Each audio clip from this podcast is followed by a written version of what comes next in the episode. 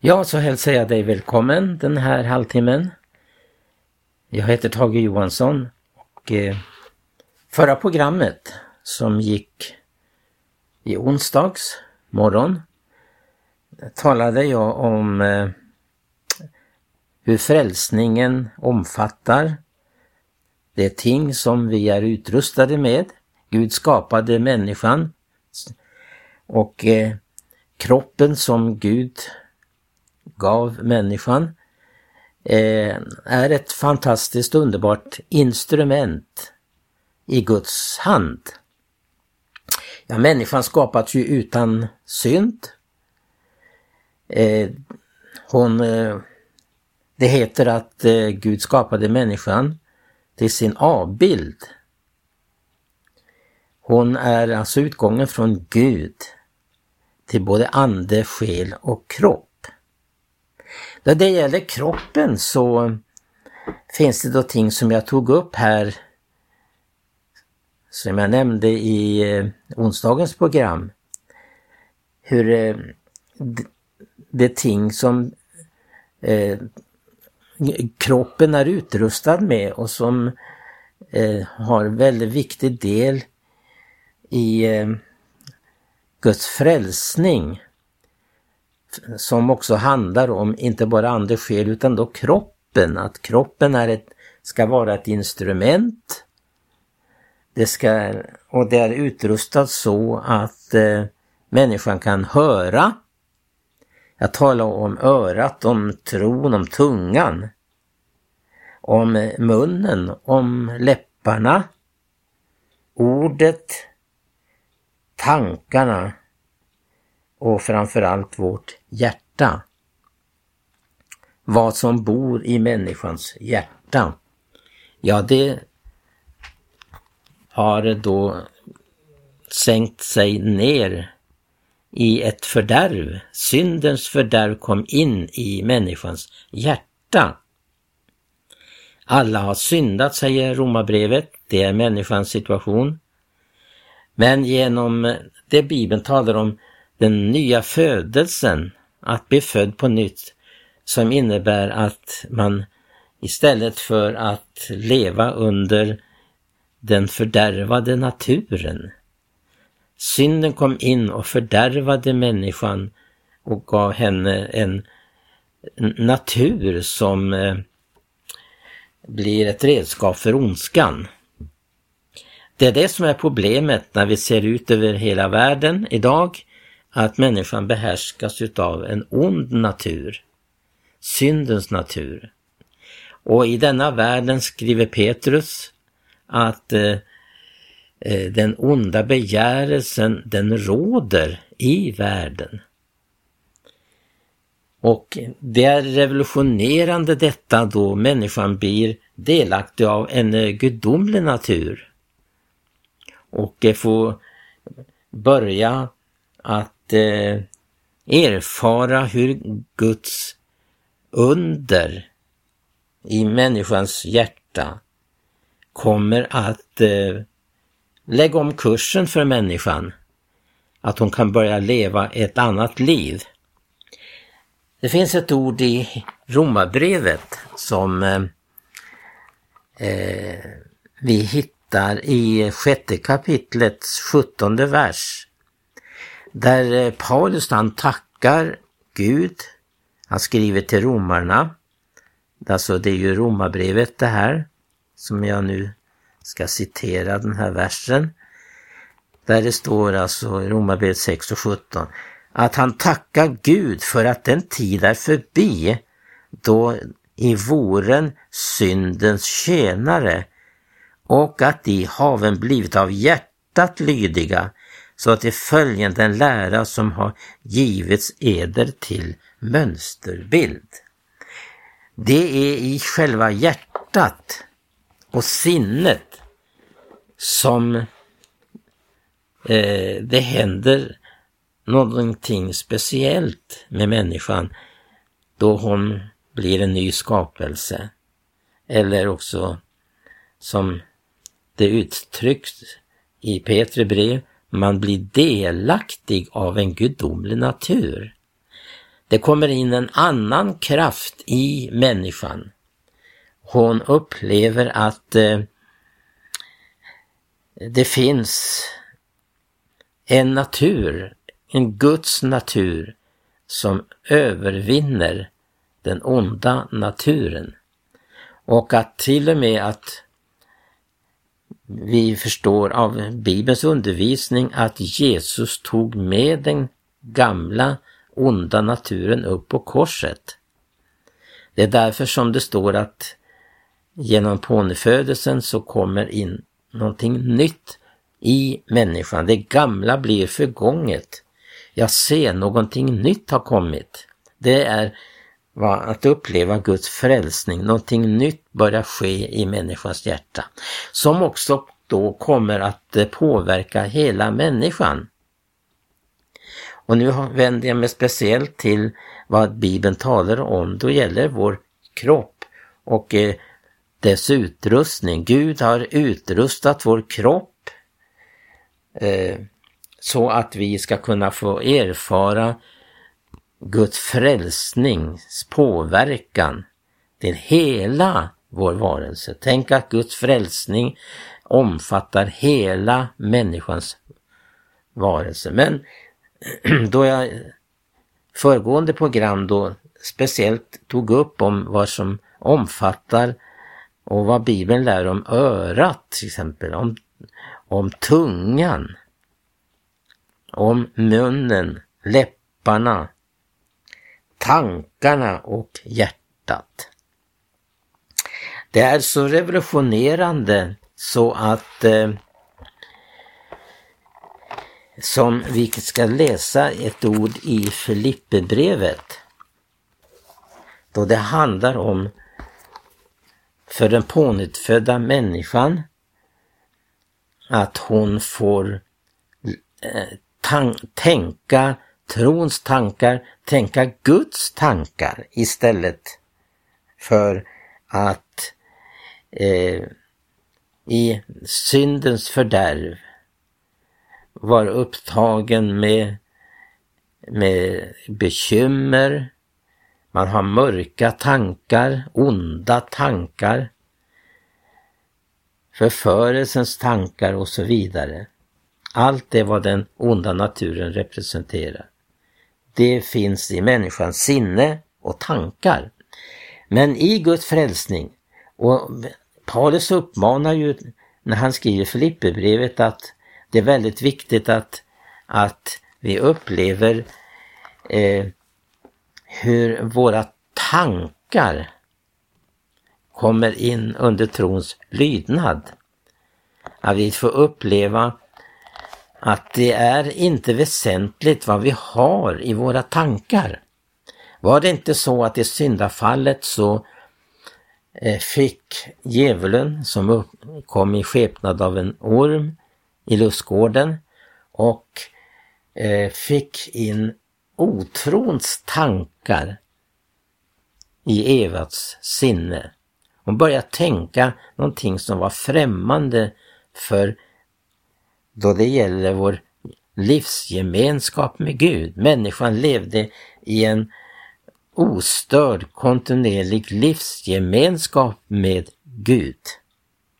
Men så kom hon att utsättas för eh, ord som eh, kom att eh, fördärva hennes tankar. Hon började tänka i andra banor. Hade hon hållit fast vid Guds klara och rena ord så hade hon inte behövt falla för otrons tankar. Det var ormens avsikt att fördärva hennes tankar och då kom otrons tankar in i hennes sinne. Men i Guds frälsning så,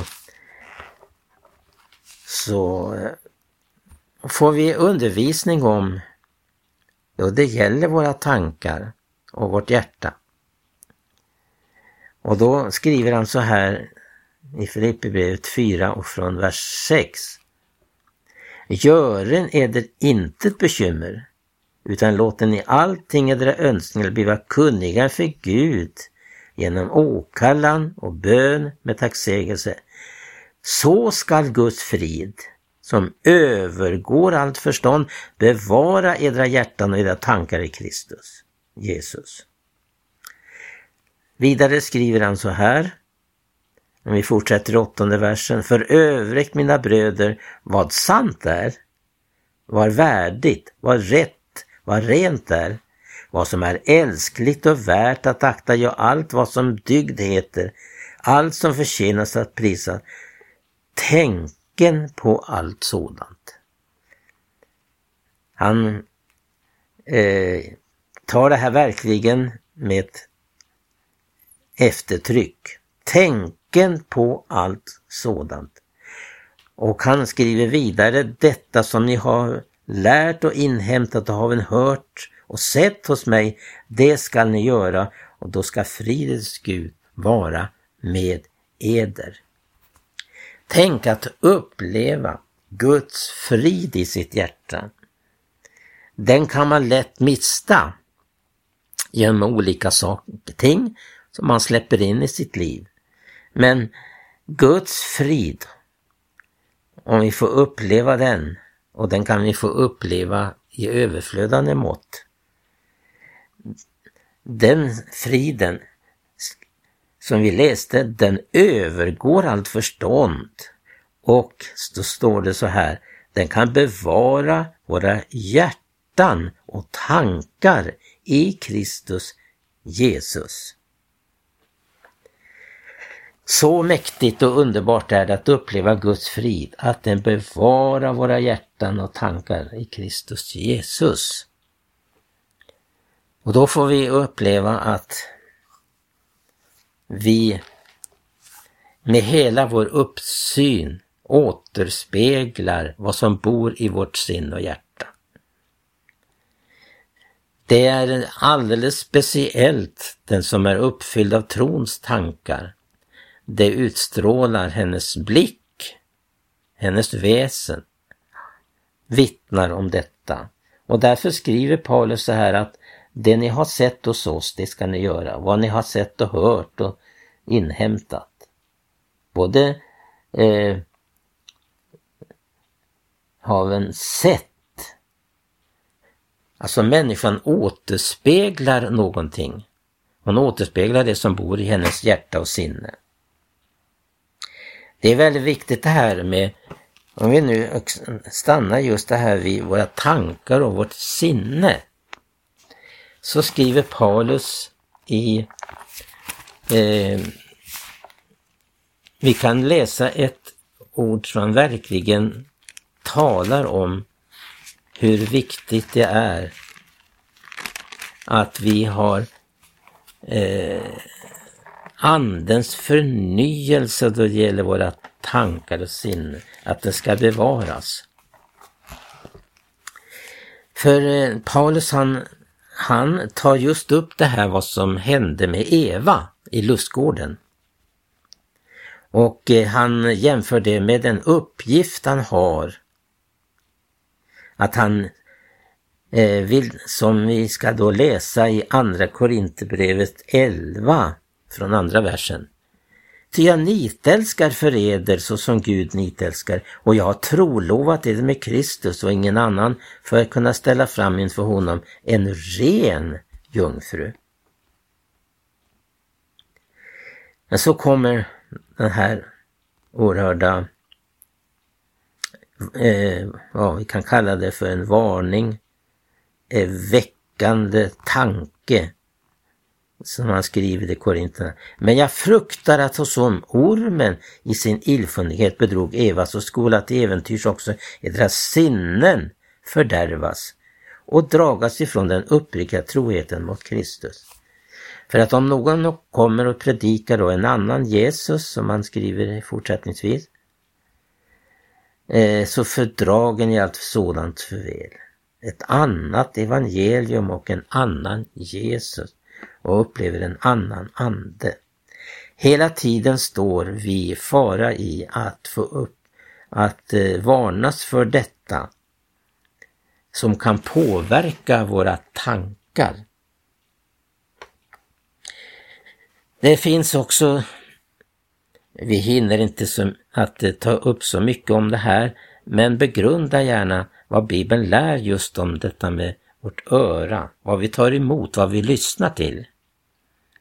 Det är oerhört att, eh, att just detta med örat, det är eh, sammankopplat med vårt sinne.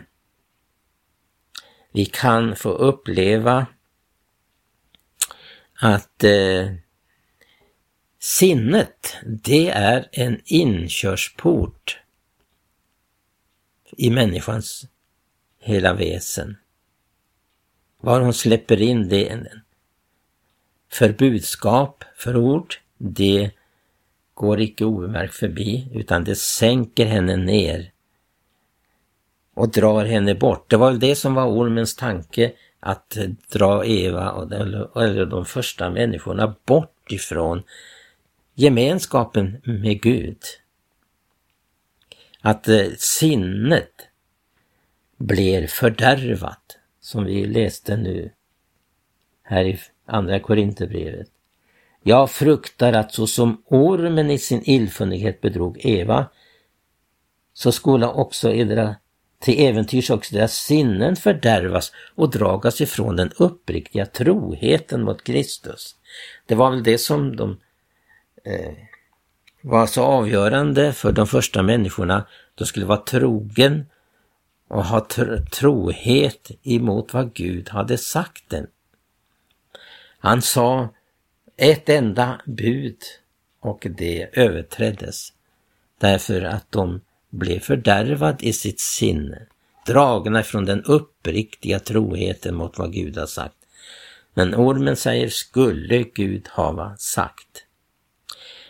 Vi hinner inte med så mycket, men om vi tänker på tungan till exempel, som jag läste om i förra eh, programmet.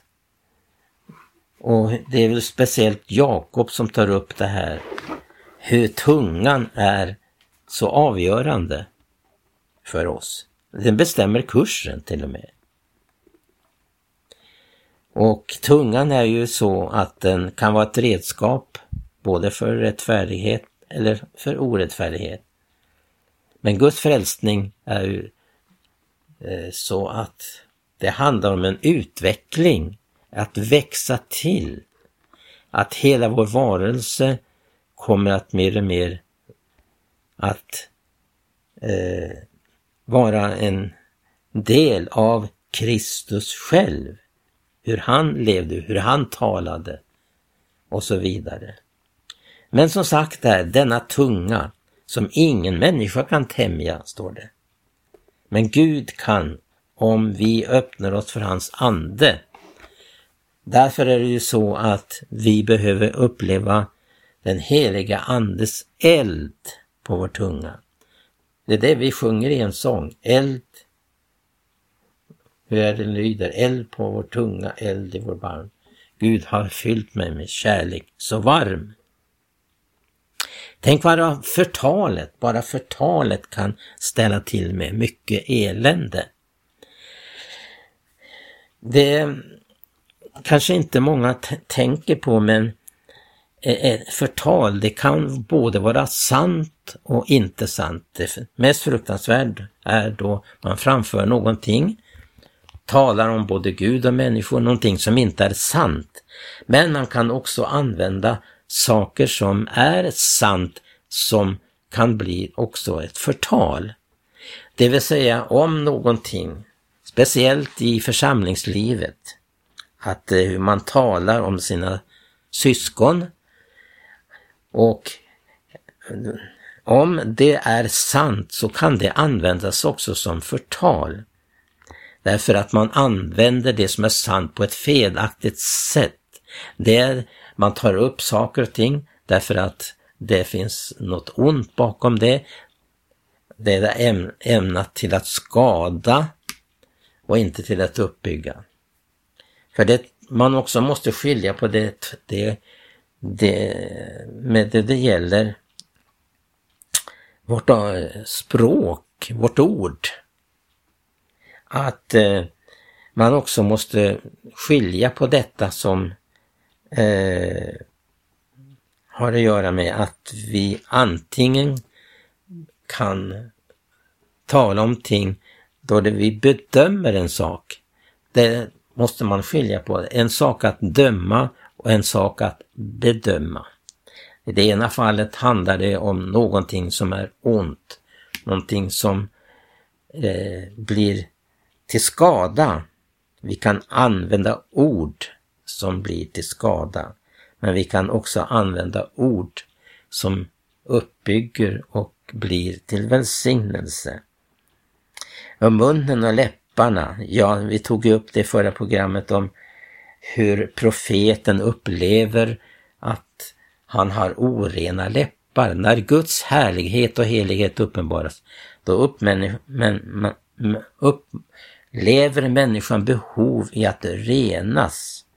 Sin, hon bor ibland ett folk som har orena läppar och profet, profeten själv upplever att han har orena läppar. Ja, tänk att Guds frälsning är så omfattande att det tar hand om både vår mun och våra läppar. Och att eh, vi med hela vår varelse får vara med att det ska användas till Guds förhärligande. Den, den grundläggande tingen i Guds frälsning, det är ju vad Bibeln lär om att vi ska överlämna vår kropp åt Gud.